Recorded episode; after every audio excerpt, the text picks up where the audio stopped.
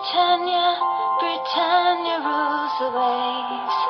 Britons never, never, never shall be slaves. Ooh, Britannia, Britannia rules the waves.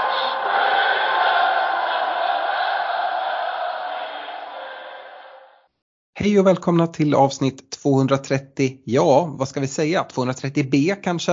Eh, en liten fortsättning på anfallsavsnittet som jag och Stefan spelade in. Vi spelar in nu torsdagen den 3 augusti och eh, för den uppmärksamma lyssnaren så förstår man att det är en dag senare än när jag och Stefan spelade in anfallsavsnittet. Och Eh, det är ju på grund av allt anfallskaos. Vi var ju supernöjda med att få med eh, skadan på Jesus eh, och liksom ha det med oss in vilket gjorde att vi pratade en hel del om eh, Nkunku även om det inte är helt bekräftat vad jag har sett från från eh, Chelsea-led så ryktas det om en ACL-skada och ja, det ställer till det lite men jag tänker även att det finns det finns eh, anledning att göra lite content på det.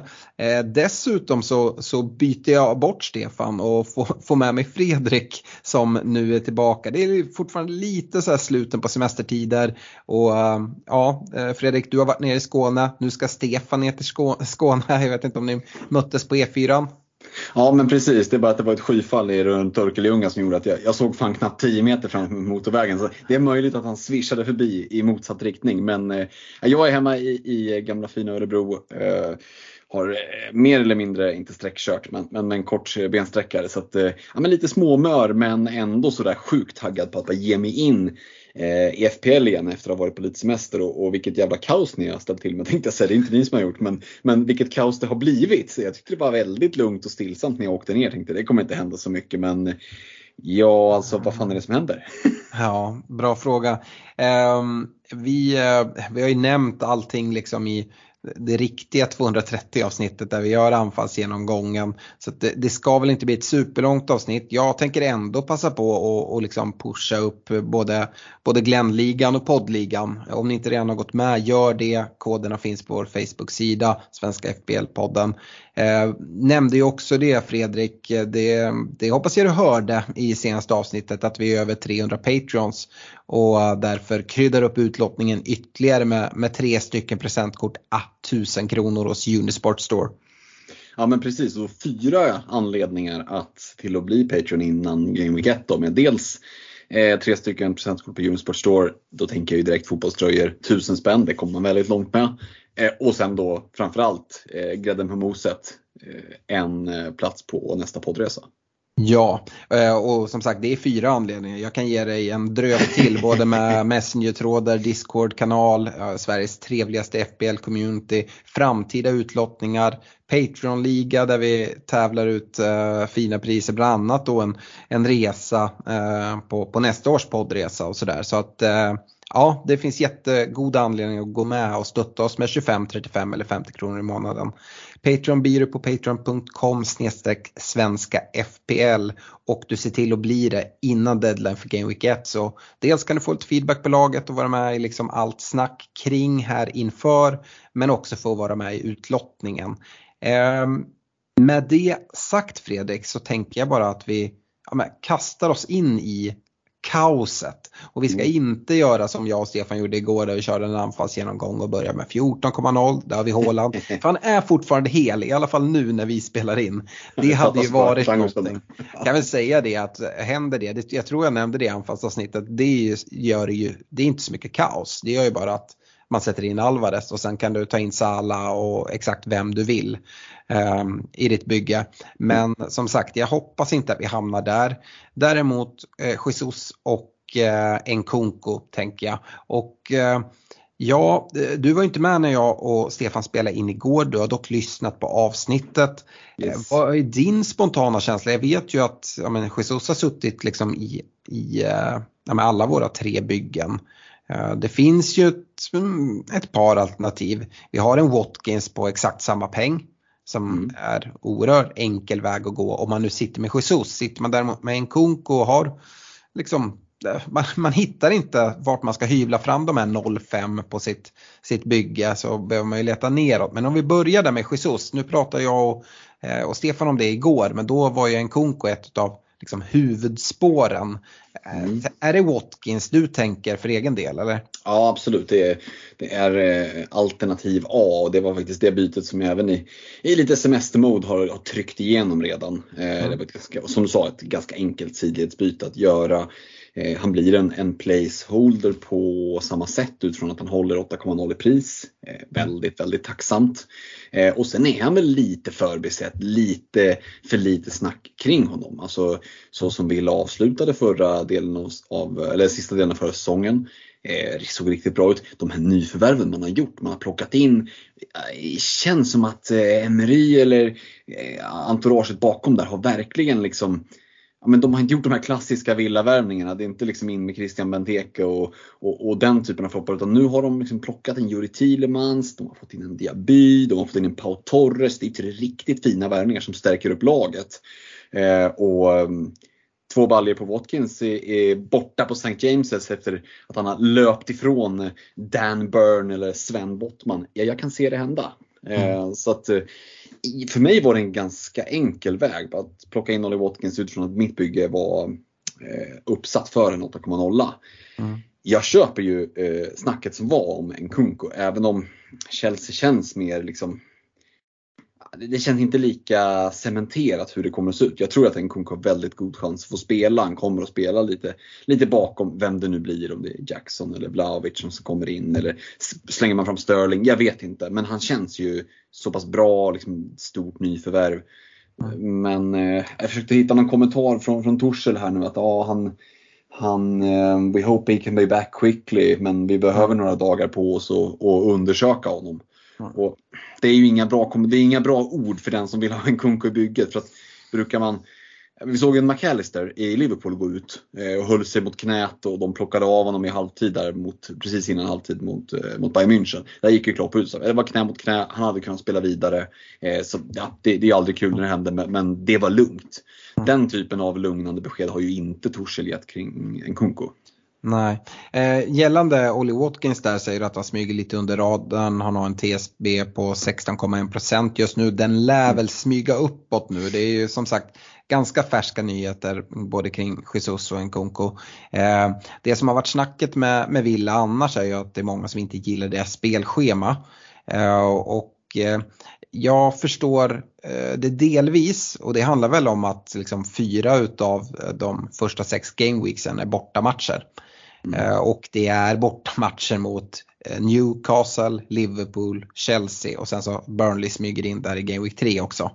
Ehm, så att, och samma på de första fyra så är det tre bortamatcher och det var liksom Newcastle, Burnley, Liverpool den ordningen. Ehm, samtidigt ett uh, Emery-lag med liksom en snabb Olly Ollie Watkins kanske passar ganska bra på bortaplan med omställningsspel. Newcastle borta i Game Week 1 ja men jag ska inte ljuga, den matchen är inte så att jag liksom eh, kommer liksom böna och be för att sitta med Watkins i mitt bygge. Däremot Everton hemma, Burnley borta, Liverpool borta. Mm, ja, vi, vi, vi, vet vad han har gjort mot Liverpool tidigare ja. och eh, jag pratade om det eh, med Stefan igår och jag tror att Liverpool kommer göra en hel del mål framåt. Men defensiven, alltså spelar ingen roll om ni får in Lavia. Får ni in honom nu så är det liksom lite sent på uh, så att det kommer ta tid. Och det, Lavia ja, i all ära men det är ingen Rodri eller ens en Casemiro eller Rice eller, eller motsvarande utan det är en ung kille med, liksom, vi fick se förra säsongen, han är, han är riktigt bra men han är inte någon världsklasspelare än, bra potential uh, och ska spelas in jag, jag ser liksom inte Liverpools defensiv och det är en av anledningarna till att till exempel Trent känns väldigt långt ifrån mitt bygge just nu. Um, så att uh, Watkins mot, borta mot Liverpool, ja men kanonmatch tycker jag. Mm. Ja, det, ehm, tyvärr, tyvärr är det ju så. Och, och, lite samma med om man blickar ännu längre fram då, så jag nämnde att de har Chelsea bortamatch och jag känner lite samma kring Chelsea faktiskt, att liksom, de kommer kunna göra mål framåt. Men defensivt litar jag inte heller på dem eh, Ehm, på samma sätt. Så att eh, ja, ehm, jag tycker Watkins, det är de här borta matcherna men ja, hur, tänk, hur tänker du kring, liksom, det låter rätt, rätt tufft liksom att tre utav första fyra och eh, fyra utav första sex är, är bortamatcher. Hiring for your small business? If you're not looking for professionals on LinkedIn, you're looking in the wrong place. That's like looking for your car keys in a fish tank.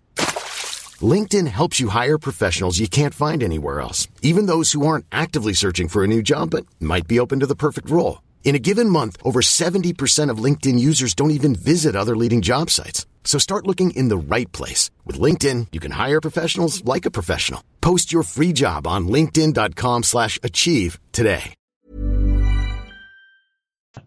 Ja, det, det är absolut. Och, och, det är ju det här liksom. Det går att vrida och vända på saker och ting. Men när man väl liksom grottar in sig i varje enskild match så tänker jag att ja, alltså, med de styrkorna som Watkins har eh, så, så kan jag mycket väl se det här.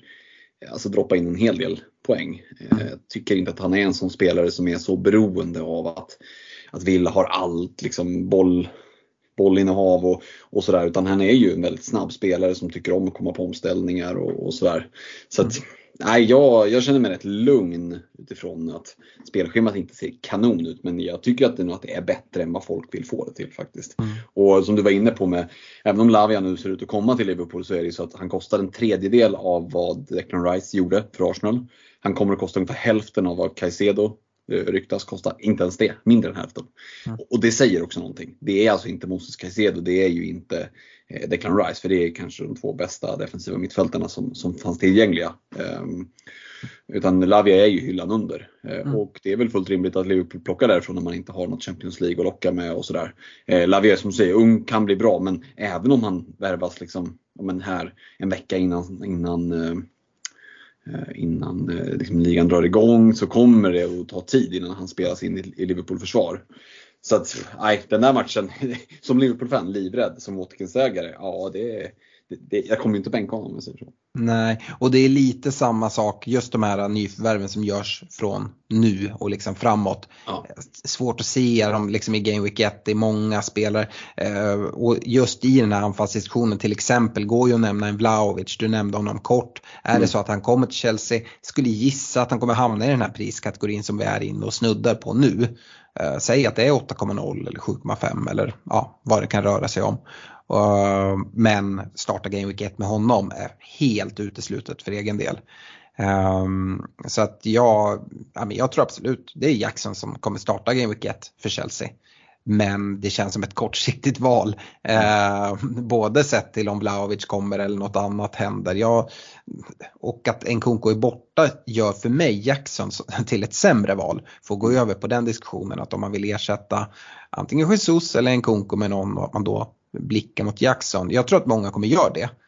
Men jag är inte så säker. Jag tyckte liksom, det såg ut som att Jackson och Nkunku här på försäsongen verkligen trivdes tillsammans.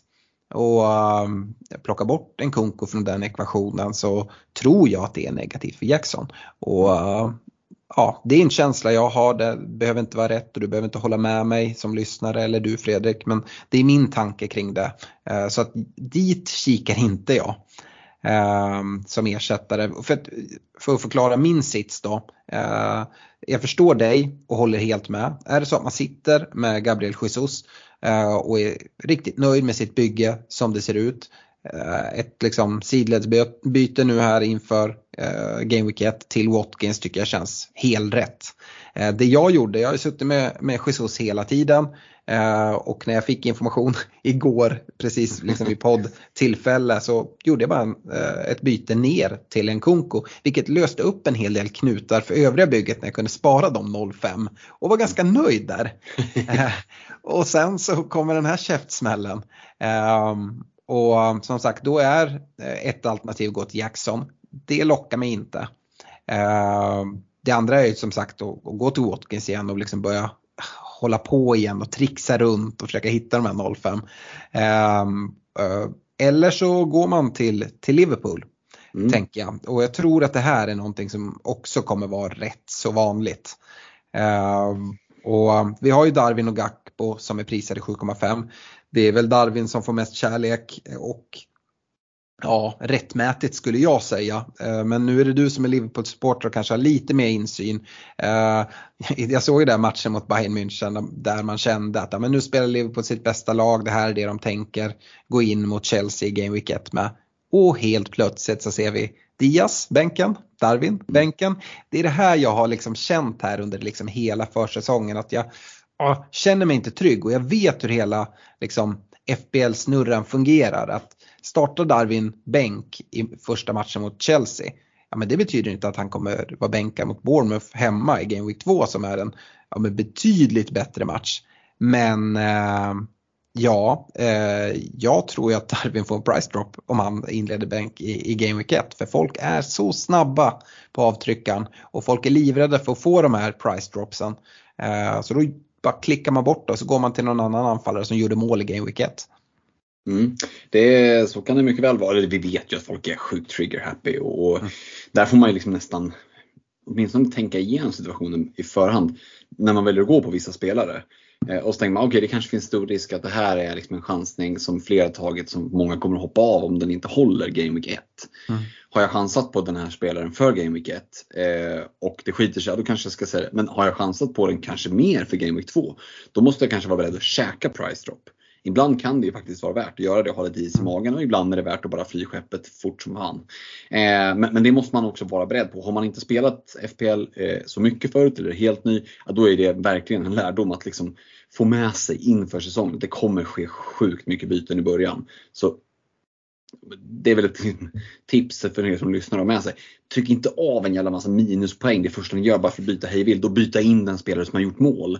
Eh, utan har du sett matchen, har du sett statistik så kan det ju också eh, vara så att en, en, spelare som blankar var den som var bäst på plan. Hade två i stolpen, eh, jättebra XG-siffror, såg fin ut. Alltså, då är det ju den spelaren som är mer intressant än någon trött jävel som inte gör någonting och så får bollen liksom i ryggen och så går den in. Mm. Folk kollar inte så mycket. Alltså, det räcker att du får bollen i ryggen och går in. Oj, jag gjorde mål. Grattis, du kommer få all kärlek i början av jättemånga miljoner managers. Det är så det mm. funkar i början. Så det är viktigt att ha med sig. Mm. Eh, gällande Liverpool där, eh, så ja, det var väl någonting som var väldigt nära en startelva som vi såg här senast mot Bayern.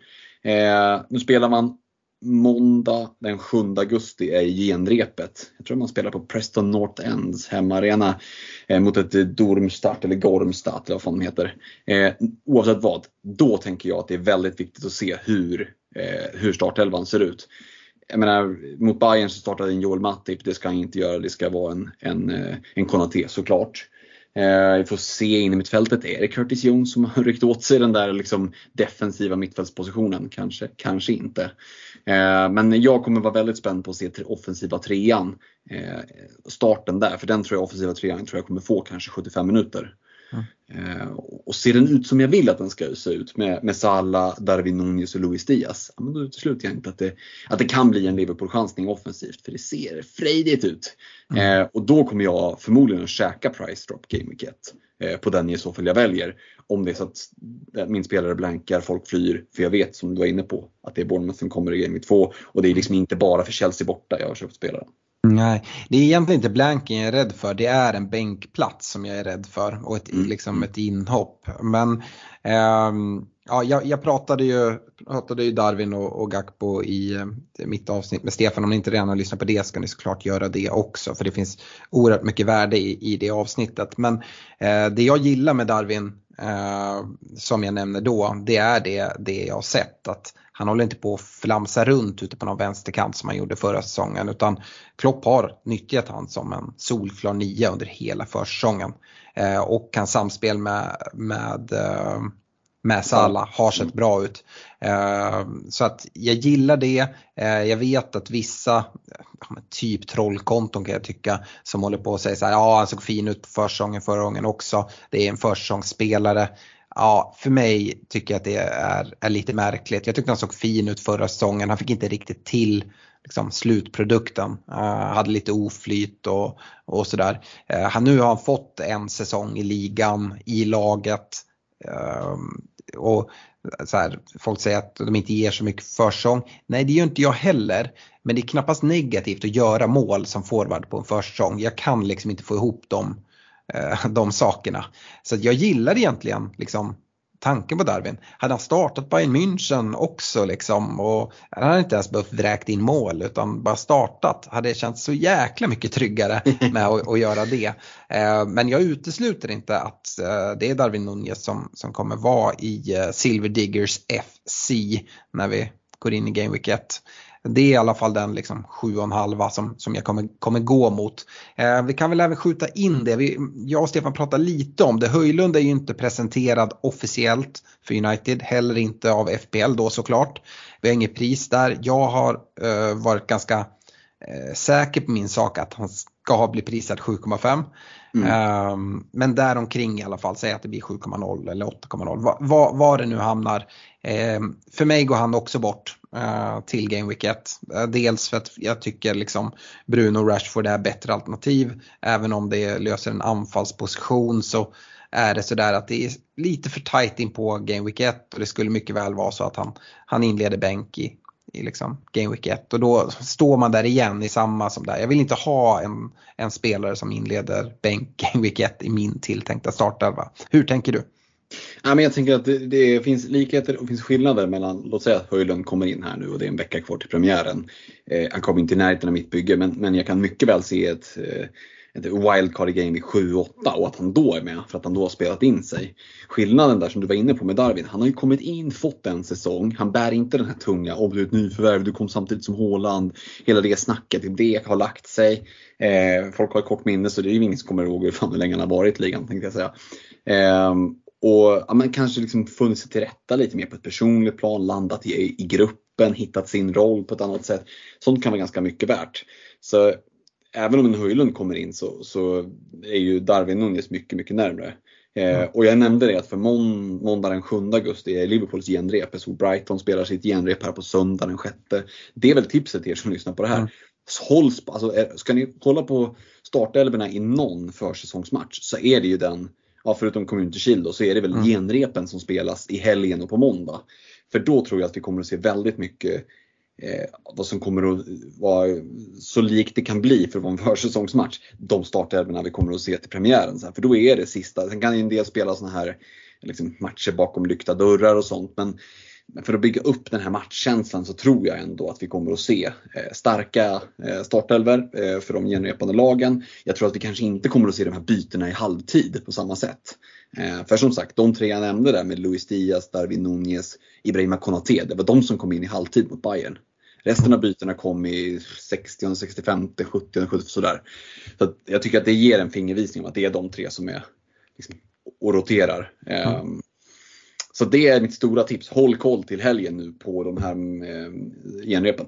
Mm, verkligen. Eh, fint där, utan att vi har snackat ihop oss, så, så nämner du Community Shield. Och mm. eh, om du lyssnade på anfallsavsnittet som jag och Stefan spelade in så eh, även om det var ett anfallsavsnitt så fastnar vi lite på att prata mittfältare och Arsenal. Eh, och jag tänker att vi även kan göra det bara för att få din syn lite på det här.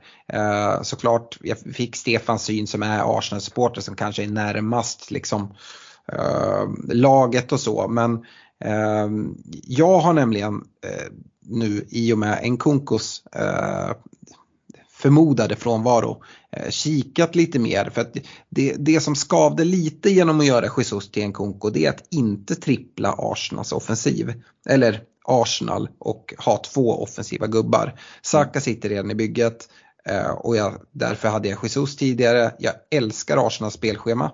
Uh, ja, men liksom Game Week 1 absolut hemma mot, mot uh, Forest. Men uh, precis som vi var inne med Aston Villa som hade eh, tre uh, bortamatcher första fyra. Ja, men Arsenal har, har tre hemmamatcher istället. Forest, Fulham, United. Ehm, och alltså, jag, jag, gillar, jag gillar vad jag ser och jag tror att det kommer bli en del kassar oavsett om Jesus är med eller inte. Och då um, helt plötsligt så öppnar det upp sig att man kanske kan ta in en Arsenal-mittfältare till samtidigt som det är så trångt på det där mittfältet.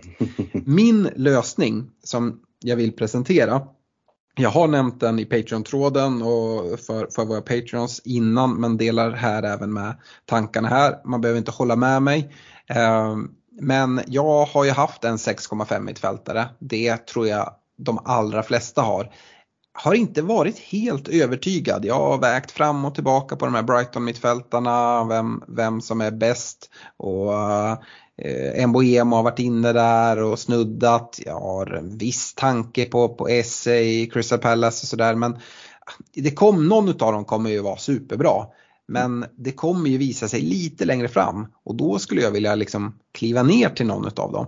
Och i och med om man gör, nu har jag pratat ner spelsystemet 4-5-1, något oerhört. Men hear me out. Eh, Nkunku, Jesus borta. Gå ner från eh, någon av dem till en Vissa som jag gillar i Brentford, eh, prisad 6,0. Eh, och Eh, plock, ta bort din 6,5 mittfältare, eller så jag har gjort. Då kan jag gå till en Martinelli för 8,0 om man vill det. Gillar man Trossard bättre eh, kan man göra det ännu billigare. Ehm, och sen kan man från den gå ner sen eh, till en 6,5 när det passar. Det här skulle ju då innebära att istället för, men, det blir ju så här väldigt konstigt att bara prata det här. Men min fyrbackslinje hade ju varit Gabriel, Stupinian, Chilwell och Stones. Då annars i en trebackslinje Chilwell hade suttit bänk i första matchen och sen så eh, ja, lite roterat eh, där ute efter matcher. Um, men här hade man i så fall spelat en, en fyrbackslinje väldigt ofta och att vissa är första avbytare snarare än Chilwell.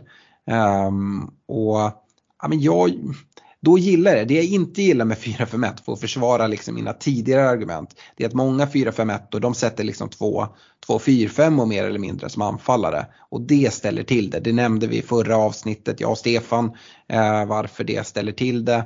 Men eh, är det så att man ändå har en, en liksom avbytargubbe i exempelvis vissa som ja, men på, på stora delar typ täcker en sån 6-5 som en Boemo så tycker jag att det kan vara intressant.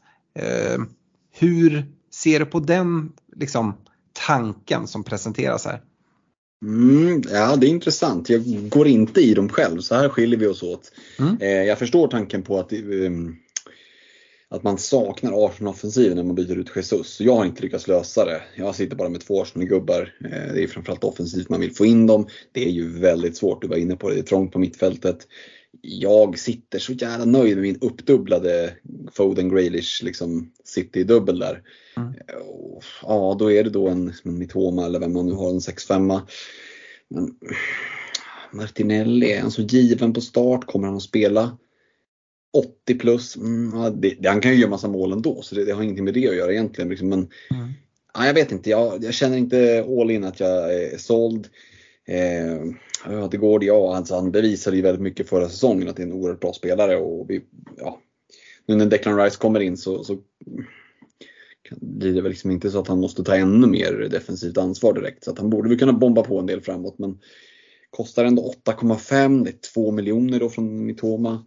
Eh, jag hör vad du säger och, och jag, jag mm. förstår ju tanken med att ha eh, vissa som första kvistare snarare än 2 4 5 mm. Det jag kan se nackdelen i det är ju att det blir svårt eller svårt, men det är svårare i alla fall att gå från vissa till någon av de här 7,0, 7,5, 8,0 anfallarna. Då krävs det två byten minuspoäng helt plötsligt. Eh, så det blir lite mer oflexibelt utifrån de här prispunkterna vi har pratat om tidigare. Å andra sidan så gillar jag mycket liksom kräm, mycket många pund på mittfältet för det är ju någonstans där det absolut största värdet finns. Eh, den största höjden finns. Och, och som jag säger, tanken är inte att jag ska spela 4-5-1 resten av säsongen. Och du Nej. säger att ja, det är oflexibelt, krävs två byten, minuspoäng. Ja, sådär va. Alltså så länge du inte gör ett byte i Game Week 1 då har du två fria byten. Och mm. det, det, går ju ganska enkelt med som sagt alla de här punden på mittfältet. Så blir vilken 6-5 man vill gå till helt plötsligt frigörs pengarna som gör vissa upp till den här anfallen som vi pratar om.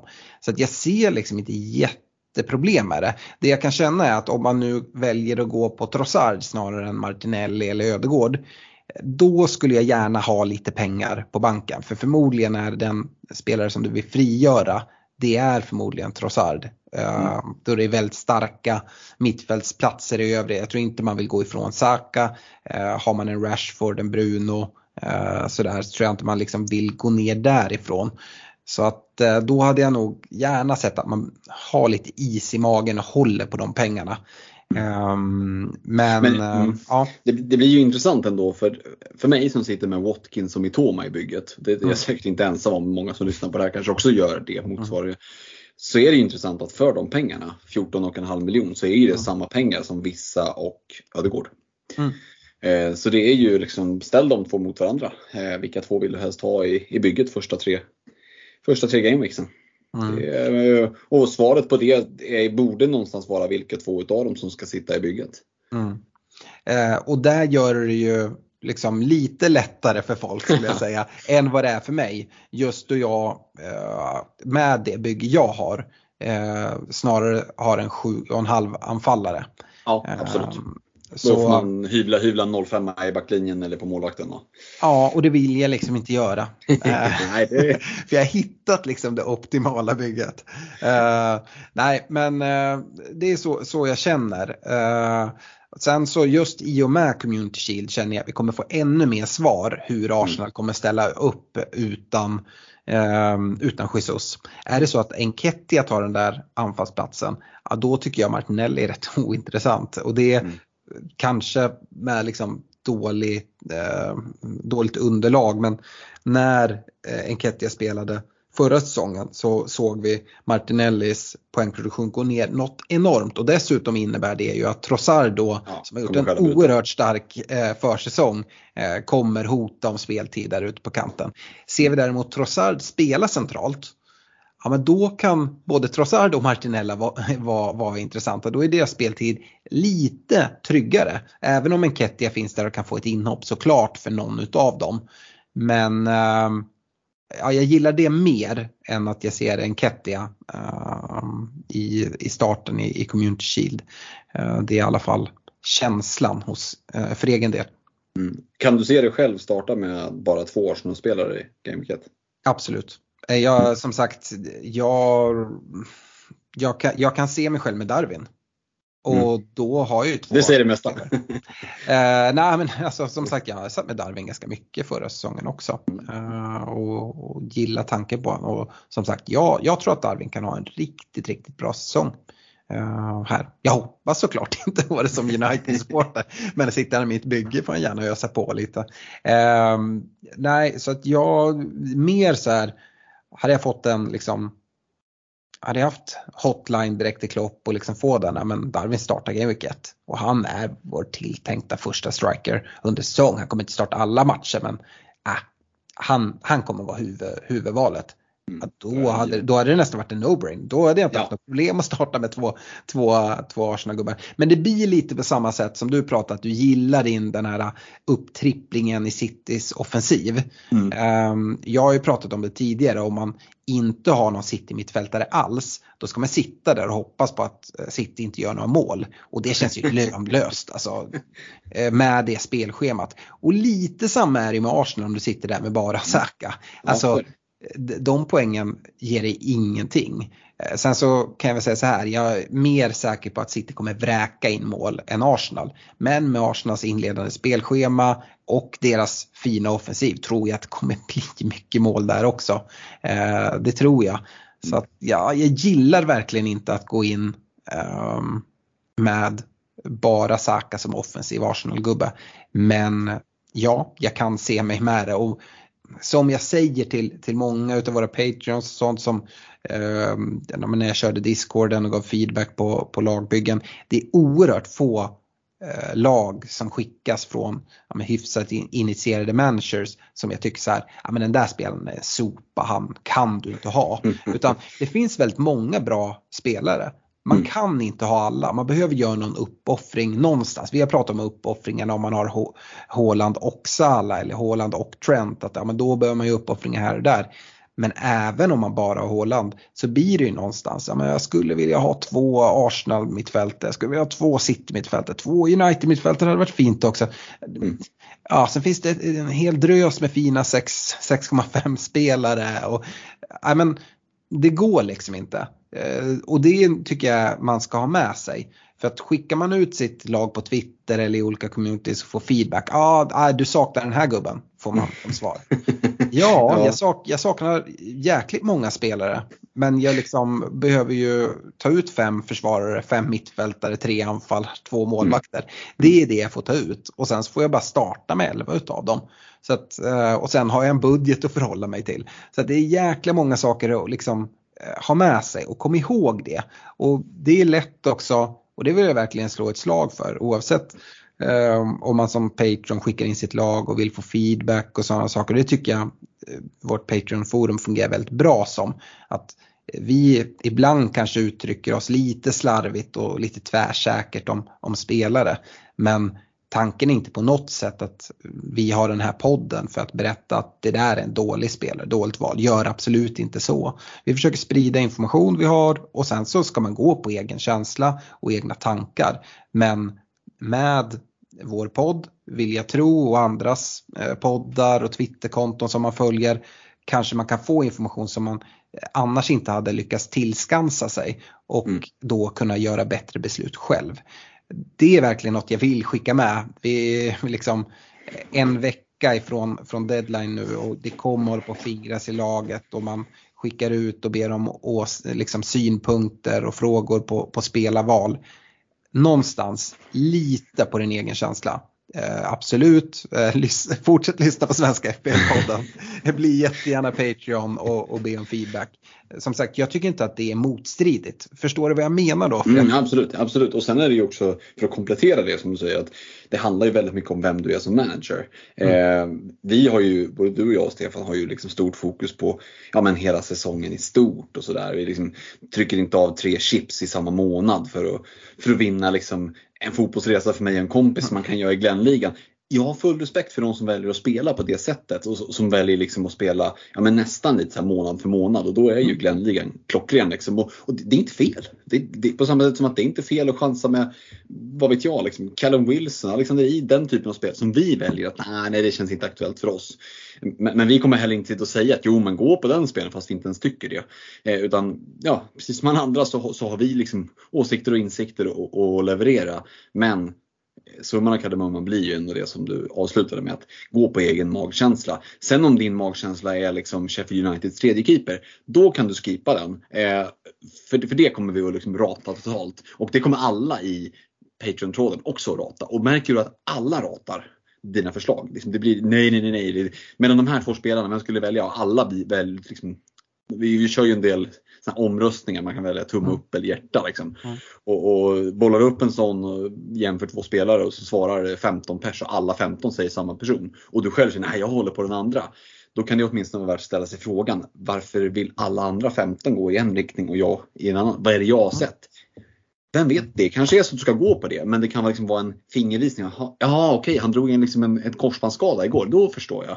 För alla sitter ju inte liksom timme ut timme in som vi gör utan en del sätter i ordning laget och så håller man lite koll och sådär. Men jag kan tänka mig att det är en del som lyssnar på det här bara, vadå vad fan, en Kunko, är han skadad? Watkins, driv, eller så här, eh, Jesus, driver ni med mig? Då, då, måste jag ju liksom in och ändra. Eh, och det är också lite tanken. Vi förstår ju att alla inte liksom älskar FPL lika mycket som vi gör. Eh, så att, ja, lite sånt medskick, lite större brasklapp än vad vi brukar ge men det, det kanske är bra så här inför säsongen också. Ja, nej, men jag, jag tycker det. Eh, det springer iväg tiden. Jag tänkte att det skulle bli väldigt kort men som, som du ser det är oerhört kul att prata, prata fantasy och jag gör ju i stort sett inget annat än att poddar eh, den här tiden på, på året. Jag eh, spelade ju in anfallsavsnitt med Stefan igår. Dessutom spelade jag in ett gästavsnitt som kommer släppas här i helgen tillsammans med vår partner eh, reducering.se och Oskar Block som är Ja men en av, ja, en av uh, svensk spelvärlds liksom, allra största gubbar. Uh, och få lära oss lite om uh, reducerade system. Vi kommer komma med andelsspel här under säsong. Uh, missa inte det avsnittet. Det, även om du inte är superspelintresserad så har ju Oskar en enorm koll på Premier League.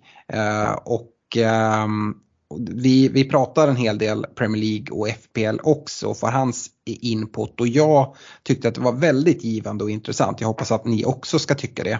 Eh, men eh, när vi ändå liksom, innan vi liksom slår igen dörren här och typ ska starta nästa podd eh, så, så vill jag att vi ändå skickar en, en shoutout till, till våra partners. Reducering.se nämnde jag. Vi har Glenn Sportsbar som har Glennligan och alltså, det går inte att säga tillräckligt många gånger. Se till att gå med innan Game Week 1 annars kommer du att ångra dig. Eh, vi har unisportstore.se. Eh, där har du 20% rabatt på ordinarie pris fram till sista augusti.